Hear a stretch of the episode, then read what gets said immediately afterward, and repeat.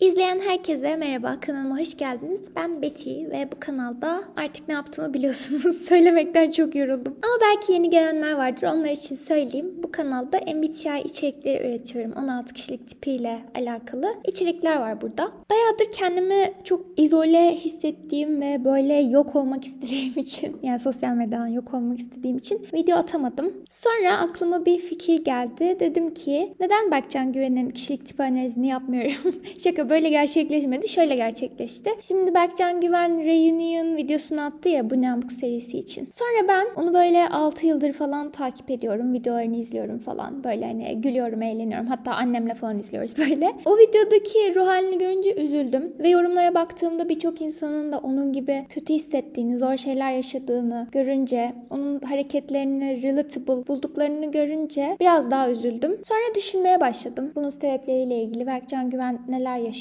Bunları kendimce işte MBTI ile açıklamaya çalıştım. Sonra bir tweet attım. Sonra bir tane takipçim Trof dedi ki neden bu konu hakkında video yapmıyorsun? Ben de dedim ki hmm, çok mantıklı ama Berkcan Güven hassas bir dönemden geçtiği için bundan rahatsız olabilir. Ve Berkcan Güven'den izin aldım. O da bana izin verdi ve sonuç olarak bu videoyu çekiyorum. Bu kadardı.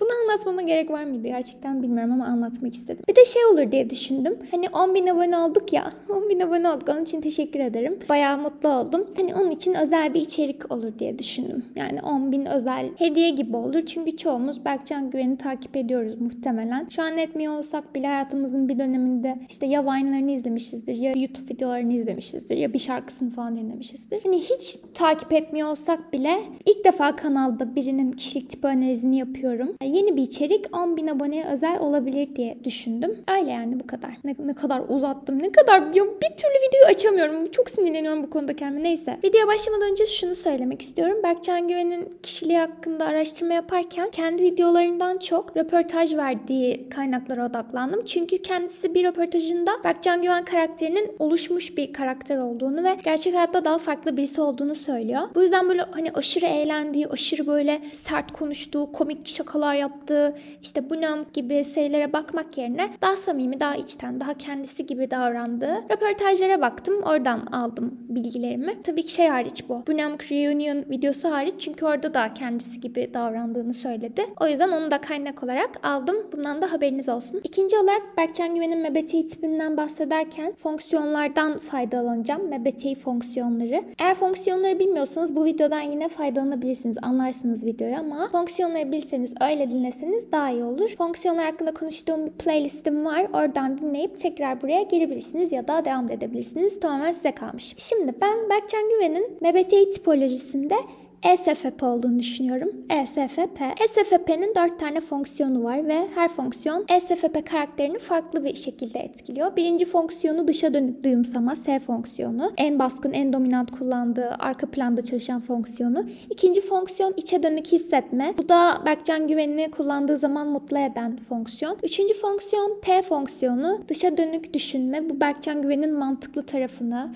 verimli üretken tarafını ifade eden fonksiyon. Son fonksiyon fonksiyonu da çok kullanmadığı son sırada olduğu için içe dönük ön sezi fonksiyonu ama şu sıralar çok kullanıyor. Muhtemelen biraz stresli bir dönemde olduğu için ondan da videoda bahsedeceğim. Şimdi öncelikle neden Berkcan Güven dışa dönük duyumsama fonksiyonunu dominant olarak kullanıyor ondan bahsedelim. Şimdi zaten Berkcan Güven'e genel olarak baktığımızda görüyoruz ki kendisi böyle konuşkan, komik, dışa dönük, eğlenceli birisi. Yani öyle bir izlenim veriyor ilk baktığınız zaman. Ve bu sadece izlenimden ibaret değil bence. Kendisi de röportajlarında işte insanlarla birlikte olmak olmaktan hoşlandığını, yalnız başına kaldığında depresifleştiğini vesaire hani sosyal olmayı sevdiğini söylüyor. Sanırım eskiden içe dönük bir karaktermiş ama şimdi dışarıdaki bir aktivite evdeki aktiviteden çok çok daha değerliymiş onun için. Aynı şekilde arkadaşlarıyla olan ortamlarında da ortamı domine ettiğini görüyoruz. İşte röportajlarında falan konuşmadan önce bir içe dönüğün aksine çok düşünmüyor. Ani şakalar patlatıyor ve ilgi üzerine çekebiliyor genelde. Yani ilk fonksiyonun dışa dönük olduğunu zaten hem fikiriz. Neden dışa dönük duyumsama? Şimdi dışa dönük duyumsamanın açıklaması duyumsaması ne? Dışa dönük duyumsama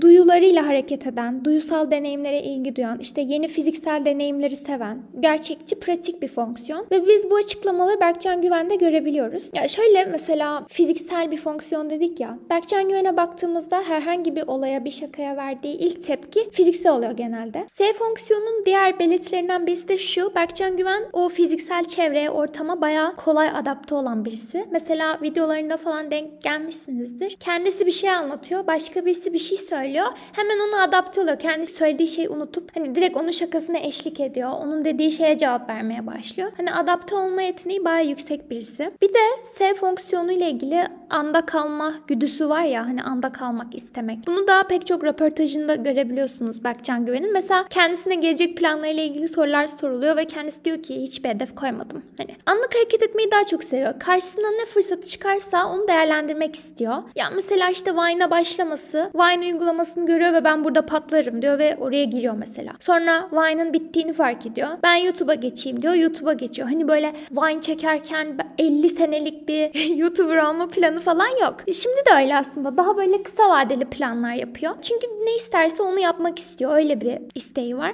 Anda kalmayı daha çok seviyor diyebiliriz. Bu S fonksiyonunun dışa dönük duyumsamanın olumsuz özelliklerinden biri dürtüsellik. Yani Berkcan Güven'in kişisel hayatını bilemeyiz ne kadar dürtüsel, ne yapıyor, nasıl kararlar alıyor. Ama ben şunu gözlemlemiştim. Bir videosunda Bitcoin'den aşırı korktuğunu, dolandırılabilme ihtimali olduğunu söylüyordu. Ama bu son videosunda Bitcoin'den dolandırılmış sanırım ya da çok para kaybetmiş emin değilim. E, bu dışa dönük duyumsama kullanan insanlar kendilerini kötü hissettiklerinde korktuğu şeylerin bile üstüne gidip işte sonuçlarını düşünmeden hareket edebiliyorlar ve sonrasında pişman olabiliyorlar. Ben tüm bunlara bakarak Berkcan Güven'in dışa dönük duyumsamayı ilk sırada kullandığını gözlemledim. Zaten bu işte eğlenceli olması, komik olması, ne bileyim böyle aslında onu sevmemizin sebeplerinden birisi bu T fonksiyonu yani. Bayağı onu lovable yapıyor. Lovable diye bir kelime var mı? Vardır. Sevilebilir yapıyor yani. Bir de çoğu arkadaşım bana şey diyor Berkcan Güven hakkında. Böyle bir çocuksuluğu bir şeytan tüyü var ya. Böyle sevesiniz geliyor yani ne yaparsa yapsın kızamıyorsunuz. Çünkü işte o şeytan tüyü.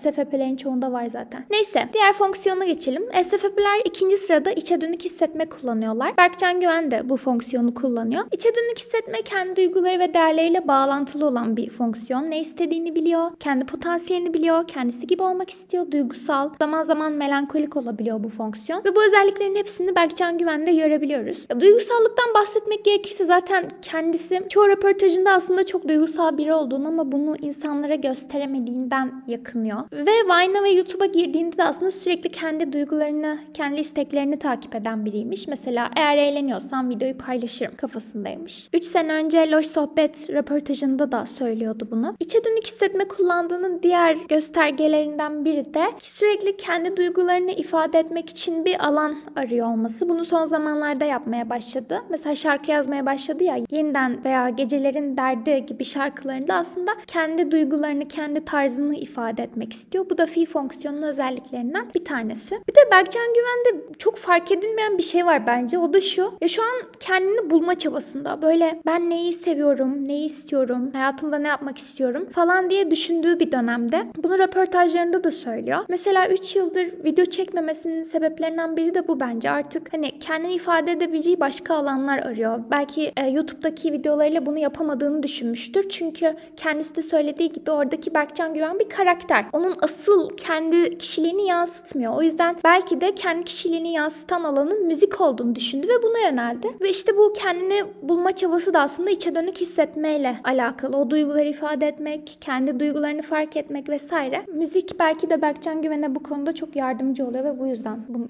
bunu bu kadar önemsiyor, buna yöneliyor birkaç yıldır. Bu arada şimdi tekrar baktım. Sanırım şu an müzikten de biraz uzaklaşıp podcast serisi çekmek istiyormuş ama yine motivasyonu aslında müzik yapma motivasyonuyla benzer. Hani artık böyle e, kendini insanlara doğru bir şekilde tanıtmak istediği için normal konseptinden daha farklı olan bir konsepte yöneliyor yine ve bu şekilde kendini daha iyi ifade edebileceğini, gerçek kendini daha çok insanlara yansıtabileceğini düşünüyormuş. Bunu da not olarak geçeyim. İçe dönük hissetme kullandığının bir diğer kanıtı da şu. Ya ben Berkcan Güven'i tanıdığımdan beri, böyle izlediğimden beri kendisi sürekli insanların yapmacık olduğundan yakınıyor. Mesela YouTube benim işim şarkısı vardı ya, çok sevdiğim diz şarkısı. Orada içerik üreticilerinin içerik çaldığından yakınıyordu. Ya da işte ta bilmem kaç yıl önce hatırlamıyorum bir vlog çekmişti. O vlogta da işte sabah sabah yataktan kalkıyor ve diyor ki diğer vlog çeken YouTuber'lar yataktan kalktıkları zaman nasıl bu kadar mutlu görünebiliyorlar ben bunu yapamıyorum falan diyor böyle. Yani bunu da yapmacık bulduğunu söylüyor aslında ve diğer YouTuber'lardan da kendisinin yaptığı gibi kendilerini ifade eden özgün içerikler bekliyor. Ben bunun da fi ile alakası olduğunu düşünüyorum. Genelde fi kullanıcıları yapmacıklığa gelemez, hiç sevmezler. Kendileri de yapmacık olmak istemezler. Bundan başka bir röportajında da şikayet ediyordu. Bence YouTube konusunda herkes kolaya kaçıyor ve tüketilebilir içerik üretiyorlar. İşte bu haftaki videoyu çekelim, oradan şu kadar para kazanalım, şuraya geçelim. Bizi çok zorlamasın kafasında düşündüklerinden şikayet ediyordu. Aynı içeriklerin olmasından falan şikayet ediyordu falan. Bunun da içe dönük hissetmeyle alakası var. Bir de şöyle bir şey var. Sadece yapmacıklığı sevmemesiyle alakalı değil aslında fi kullanma olayı. Hani fi fonksiyonunun içsel değerleri var ya. Mesela Berkcan Güven için baktığınız zaman özgünlüğün bir değer olduğunu görüyorsunuz. Hani sanki biz içsel değer deyince işte ahlaki, etik, doğru yanlış, işte asla küfür etmez, hep doğru şeyleri yapar falan diye algılıyoruz. Ama değer çok subjektif bir şey fi kullananlar için ve her fi kullanıcısının, her SFP'nin farklı farklı değerleri olabilir. Berkcan Güven için mesela özgünlük bir değer olarak öne çıkıyor. Sürekli özgün olmaya itiyor kendini. Ve farklı değerleri de olabilir YouTube'da göstermediği. Sonuçta YouTube'da oluşturduğu şeyin bir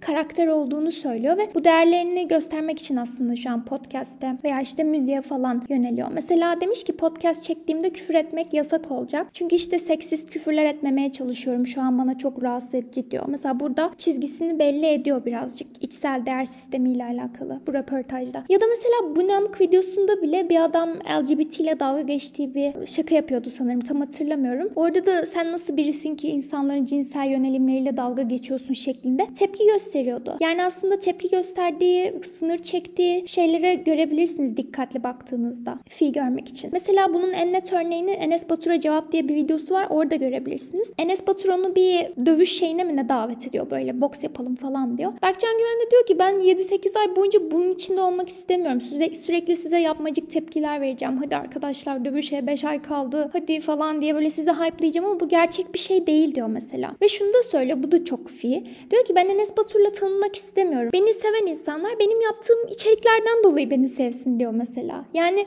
bu da bir değer. Kendi yaptığı işle tanınmak istemek de bir değer. Hani bu videoya baktığınızda mesela içe dönük düşünme gibi çok mantıksal bir şey görmüyorsunuz. Reasoning görmüyorsunuz. Tamamen duygusal ve değerlerle alakalı. Ben bunu kendime yapmak istemiyorum. Ben yapmacık olmak istemiyorum falan diye cevaplar veriyor. Mesela bu da fi ile alakalı. Yani fi deyince aklımıza sadece şey gelmesin. Böyle ahlak bekçisi gibi bir şey gelmesin. Her fi'nin farklı ahlak sistemleri olabilir ve bunları dışarıya farklı bir şekilde ifade edebilir. Neden dışa dönük duygu kullanmıyor? Çünkü dışa dönük duygu dış dünyanın duygularına odaklıdır. Tamam mı? Böyle toplumsal rolleri otomatik olarak kabullenen hatta bu rollere uyum sağlamaya çalışan bir kafası vardır dışa dönük hissetmenin. Ama Berkcan Güven mesela toplumsal rollerden bayağı şikayetçi. Hani kendini kötü hissediyor bu rollerden dolayı. Son videosunda sürekli ben insanım, ben kanaat önderi değilim, insanım, istediğim şeyi yapabilirim, ben de hata yapabilirim falan diyordu. Bu fenomenlere yüklenen e, rollerden şikayet ediyordu. Ya mesela Rain Man de bunu onayladı. Rain Man bir ESTP ama hani çok takmadı anladınız mı? Berkcan Güven bu konuda daha tepkili. Ya çünkü bence bu onu duygusal olarak rahatsız ediyor. O içe dönük hissetmesini rahatsız ediyor. Ve o uyum sağlama zorundalığını hissetmek ona rahatsız hissettirdiği için bu konuda daha fazla tepki veriyor Rain Man'e veya Efe Uygaç'a göre. Başka bir röportajında yine bunu söylemişti. Ben selebriti olarak algılanmak istemiyorum demişti. Selebriti olmak da onun için toplumsal bir rol ve bundan rahatsız oluyor.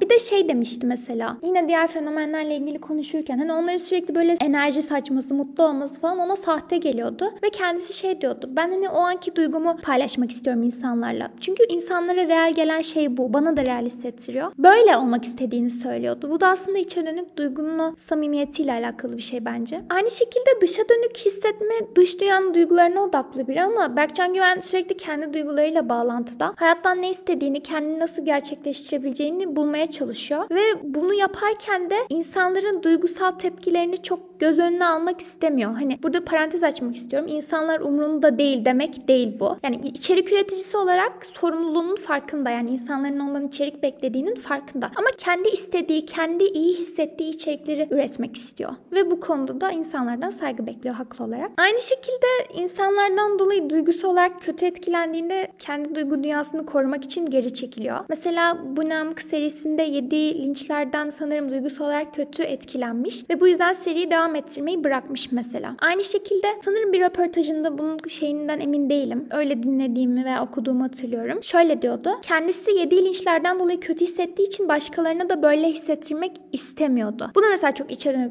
hissetme. Çünkü kendi hisleri üzerinden başkalarının hislerini anlıyor. Yani aslında Berkcan Güven bayağı empatik biri. Son videoda insanları mutlu edemiyorum diye üzülmesi de aslında şununla alakalı. Biliyorsunuz ki Berkcan Güven'in dışa dönük hissetme fonksiyonu var ama 6. sırada.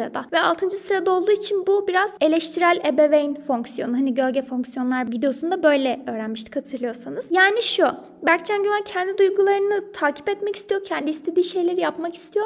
Ama bunu yaparken kafasında eleştirel bir ses. Diğer insanların ne istediğini de umursaması gerektiğini söylüyor. Ama son videoda bu kadar tepki vermesinin sebebinin de bu olduğunu düşünüyorum. Yani yine kendi yolundan gidiyor. Mesela bu Namık serisini bitirdi. Daha çekmeyecek muhtemelen. Çünkü kendi istediği şeyler var açıklama kısmına yazmış. Ama sorumluluk hissettiği için critical F'den dolayı dışa dönük hissetme fonksiyonunun onu eleştirmesinden dolayı o videoyu çekmiş. Ve insanların istediği o komik havayı vermek istemiş. Ama tabii ki içe dönük hissetme kullandığı için bunu bir yere kadar yapabiliyor. En nihayetinde komik olma rolüne girmek istemiyor. Kendisi neyse onu göstermek istiyor. Ben artık komik değilim diyor mesela. Ben böyle biriyim. Hani içe dönük hissetme bu. Ben böyleyim, böyle hissediyorum ve siz de lütfen benim bu halime saygı duyun demek istiyor aslında izleyicilerine. Kendim fi kullandığım için bayağı iyi anlıyorum onun bu halini. Neyse. Şimdi Berkcan Güven'in duygusal yanından bahsettik. Mantıksal yanından bahsedelim. Yani üçüncü fonksiyonu T. Dışa dönük düşünme. Dışa dönük düşünme fonksiyonu işte organize olmak, dış dünyadaki bilgilere odaklanmak, verimlilik ve sonuç odaklı olmak, insanlara karşı sorumluluklarının farkında olmak, sorun çözücü olmak gibi özellikleri beraberinde getiren bir fonksiyon. Berkcan Güven de bunları görebiliyoruz. Röportajlarında sürekli üretmekten ve üretmenin onu ne kadar iyi hissettirdiğinden bahsediyor. Yani bir şeyler üretmekten gerçekten keyif alan birisi. Ama tabii ki üçüncü fonksiyon olduğu için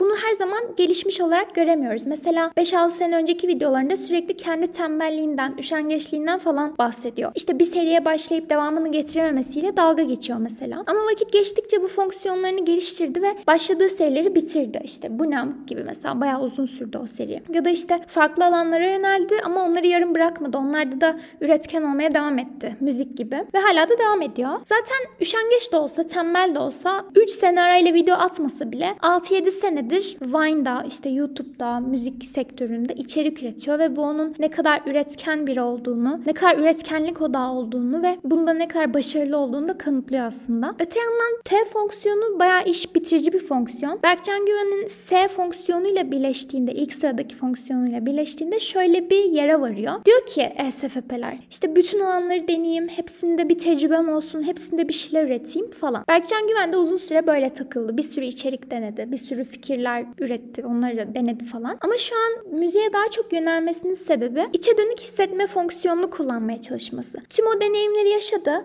ama sonra o fi fonksiyonu, içe dönük hissetme fonksiyonuna dedi ki e bu kadar şey denedin. Hangilerinin seni gerçekten ifade ettiğini düşünüyorsun? Hangileri gerçekten seni yansıtıyor? Ve Berkcan Güven kendini gerçekten ifade edebileceği bir alana yönelmek istedi. Bu hepimizin yaşadığı bir şey. Bunu çoğunlukla MBT'de NFP'ler yaşıyor, SFP'ler yaşıyor. O ünlülerde de bunu görebiliyorsunuz. Yani ne istediklerini sonradan keşfedebiliyorlar. O her şeyi deneyip tecrübe etme şeyinden, silsilesinden sonra. Mesela örnek vereyim. Camila Cabello benim çok sevdiğim bir şarkıcı. Fifth Harmony grubunda bir sürü farklı tarz yaptılar. Ama sonra gruptan ayrıldı. Dedi ki ben kendimi burada solo bir şekilde daha iyi ifade edebileceğime inanıyorum. Ve ayrıldı. Ya da mesela Aleyna Tilki de SFP. Bu hani son çıkardığı şarkı var ya Take It or Leave It. Linç yiyen şarkı. Orada da şeyden bahsediyordu aslında. Bir yerinde şarkının istediğim çok şey var ama zaman kısıtlı. Hepsine yetmiyor. Ve hani o da aslında yaptığı hangi şeyin onu gerçekten tanımladığı konusunda bir kimlik krizine giriyor. Ve hani diyor ki take it or leave it. Yani ben böyleyim. Beni böyle kabullenin. İçe dönük hissetmeden kaynaklı. Birçok şey yapıyor gibi görünebilirim ama istediğim ve sevdiğim şey bu. Ve beni böyle kabul edeceksiniz mentalitesi. Ya bu bende bile oldu arkadaşlar. Ben de hani YouTube'da içerik üretiyorum. NFP'yim. Hani bir sürü ilgi alanım var ve psikolojiyi sevdiğimi daha yeni fark ediyorum. Ki belki ileride hani onu da sevmediğimi düşüneceğim anladınız mı? Bu SFP ve NFP'lerin laneti. Şöyle bir lanet var. Siz bir sürü şey yapıyorsunuz, yapıyorsunuz. İnsanlar size bir kimlik atfediyor. Mesela siz bana diyorsunuz ki tipolojici beti, mebeteyici beti. Ama ben birden YouTube'u bırakıp keman çaldığım videolar atmaya başlayabilirim. Eğer onun beni daha iyi ifade ettiğini düşünüyorsam. Yani Berkcan Güven'in yaşadığı şey de bu aslında. Saygı duyulması gereken çok doğal bir süreç. İnsanların kafasında bir kimlik var ama aslında o kendi kimliğini yeni keşfediyor. Ve insanların aklında oluşmuş olan kimliği de düzeltmeye çalışıyor. O yüzden sürekli o reunion videosunda ben komik değilim, eskisi gibi değilim, farklı biriyim diyor. Kendi kimliğini size anlatmaya çalışıyor. Beni anlayın diyor. ben artık Berkcan Güven'in sesiyim. bir de Berkcan Güven şey demişti bir videosunda. Benim en iyi yaptığım şey insanları doğru yönlendirmek. Onlar için neyin doğru olduğunu bulup onları yönlendirebiliyorum kendi imkanlarım dahilinde demişti. Bu da aslında fi ve t kombinasyonu. İçe dönük hissetmeyle o karara varıp sonra t ile o kişiyi yönlendirmek. Şimdi Berkcan Güven'in son fonksiyonuna geçelim. Ni fonksiyonu içe dönük ön sezi. Şimdi içe dönük ön sezi dördüncü sırada olduğu için Berkcan Güven bu fonksiyonu pek kullanmıyor. Hiçbir SFP çok fazla kullanmıyor ki kullanmamaları da en iyisi sağlıklı olmaları açısından. İçe dönük ön sezi fonksiyonu sezgisel bir fonksiyon. Böyle bir şeylerin altında anlamlar arıyor, derin düşünüyor, geleceğe odaklanıyor, uzun vadeli planlar yapıyor. Berkcan Güven'in bunu az kullandığını nasıl anlıyoruz? Başta dediğim gibi uzun vadeli düşünmek yerine ana odaklanıyor. İşte spontane hareket etmek istiyor vesaire. Ama teoride şöyle bir durum var. Eğer stresli bir dönemden geçiyorsanız dördüncü fonksiyonunuzu birden yüklenmeniz çok muhtemel. Aslında Berkcan Güven de son bir iki yıldır kötü şeyler yaşadığı için kendisi anlattığı gibi o duygusal dalgalanmalar, o zor durumlar onu son fonksiyonuna itiyor aslında. Bir şeylerin altında anlam aramaya başlıyor. Mesela neden bunlar başıma geldi? Neden ben gibi. Artık bir şeylerin altında anlamlar aramaya başlıyor. Yani bu ne demek? Berkcan Güven stres durumundan dolayı içe dönük ön fonksiyonunu kullanıyor çok fazla. Bunu zaten Reunion videosunda görebilirsiniz. Hani ni fonksiyonu gelecek odaklı, gelecek hakkında kötü ihtimaller üretir genelde. Berkcan Güven anksiyeteli olduğundan bahsediyor şu an. Ya da mesela mistik konulara önermiş. Bu da ni fonksiyonuyla alakalı. O anlam arayışı mistik konulara itebiliyor. Başınıza gelen şeylere böyle divine, spiritual anlamlar yükleyebiliyorsunuz. Ve hani reunion videosunda şey dedi ya ben artık eskisi gibi değilim, sıkıcıyım. Orada kastettiği şey şu. Ben artık S'yi eskisi gibi etkili kullanmıyorum, ni kullanıyorum. Yani ilk fonksiyonumu çok kullanamıyorum artık son fonksiyonuma yüklendim demek. Neden bu anlama geliyor? Çünkü S kullananlar doğaları gereği ni fonksiyonunu sıkıcı buluyorlar. İşte gerçekçi olmayan, pratik olmayan, gereksiz, olumsuz, karmaşık olarak tanımlıyorlar. Herkes, hepimiz son fonksiyonumuzu böyle tanımlıyoruz. Berkcan Güven normalde S ve ni fonksiyonunu dengeli kullanırken yaşadığı zor şeylerden dolayı ni fonksiyonuna aşırı yüklenmeye başladı ve bu yüzden kendini sıkıcı buluyor artık. Boomer diyor kendine. Ben kendimi unuttum demesi de bununla alakalı. Yani normalde anı yaşayan, eğlenceli, şakacı, S kullanan, dışa dönük duyumsama kullanan biriyken şimdi yaşadığı şeyler onu derin düşünmeye, bazı arayışlara itiyor. Ama öte yandan S fonksiyonunu da kullanmaya devam ediyor. Yani tamamen ihmal etmiyor ama daha farklı kullanıyor. Mesela videosunda böyle birden bağırdığı anlar vardı ya. Reymen şey diyordu işte tamam video komik yapma falan diyordu. O da aslında S fonksiyonunun aşırı kullanımıyla alakalı. Birden aşırı fiziksel tepkiler veriyorsun. Ni grip durumundan kaynaklı yani. Ki bu çok normal. Yani stresli bir durumda hepimiz dördüncü fonksiyonumuza yükleniyoruz ve bu stres etkenleri ortadan kalktığında tekrardan eski halimize dönebiliyoruz. Yani Berkcan Güven'in yaşadığı şey de geçici bir süreç. Ama işte bu terimleri bilmek, işte ni fonksiyonu, ni grip falan diyebilmek yaşadığı süreci anlamamız açısından önemli bence. İşte neden video çekmiyor, neden insanların tepkilerine duyarlı olmaya başladı, neden kaygılanıyor. Bunun bir sürü kişisel sebebi olabilir ama Berkcan Güven'i anlayabilmek için bu sebepleri bilmemize gerek yok. Bu stres etkenlerinin sonuçlarını anlayabilmek yeterli ve bunu yaparken de MBT'yi gerçekten çok yardımcı oluyor bir teori olarak. Muhtemelen Berkcan Güven'le benzer süreci yaşayan SFP'ler vardır. Bu süreç bittiğinde ya çok zor görünüyor tamam mı? Böyle aşırı zor oluyor hani o şeyi yaşarken. Ama bittiği zaman siz muhtemelen fi fonksiyonunuza yönelmiş oluyorsunuz. Yani kendi içinize dönüp ne istediğinizi anlamaya çalışıp anlamış oluyorsunuz ve hani bittiği zaman böyle yeniden doğmuş gibi kendinizi iyi hissediyorsunuz. Şey gibi böyle bir şeyle mücadele edip başarmış gibi. Ve hani siz de böyle hissediyorsanız bu geçici bir şey ve iyi hissedeceksiniz yakında umarım. Öyle. SFP'ler genel olarak çok tatlı tipler. Bana da çok benziyorlar. O yüzden SFP'yi ve Berkcan Güven'i anlatırken bayağı relatable buldum kendime. Özellikle içe dönük hissetmeden bahsettiğim kısımlarda anlayabiliyorum yani o döngüleri, neyi istediğini bulmak, kendini mantıklı olmaya zorlamak, anlam aramak falan çoğu insana muhtemelen anlaşılabilir gelecektir. Öyle. Bu kadardı kişilik tipi analizimiz. Ben Berkcan Güven'i tanımıyorum. Hani sadece röportajlarını dinledim ve tipoloji bilgimle birleştirip bir yorum yaptım. Belki de yanlış yapmışımdır. Ama dışarıdan bana böyle göründü. Farklı yorumları olanlar yorumlara yazabilir. Kendi argümanlarınızı açıklayabilirsiniz. Dediğim gibi bu benim bakış açım ve katılmak zorunda değilsiniz. Zaten kesin şeyler söylememeye çalıştım ama röportajlarında ve videolarında göründüğü kadarıyla şu an bir ESFP kendisi. Umarım faydalı olmuştur. Sadece Berkcan Güven analizini değil de onun üzerinden tüm ESFP'lerin analizini yapabildiğim bir video yapmaya çalıştım. Umarım ESFP'ler de beğenmiştir bu videoyu. Dediğim gibi herhangi bir düşünceniz, yorumunuzu yorumlara yazabilirsiniz. Okumaya açığım. Onun haricinde 10.000 abone için tekrar çok teşekkür ederim. Gerçekten aşırı mutlu oldum. Bu kadar kısa sürede beklemiyordum. Umarım katlanarak artarız ve tipoloji hakkında öğrenmeye devam ederiz. Bu kadar. Evet bu kadar. O zaman bir sonraki videoya kadar kendinize iyi bakın. Görüşmek üzere.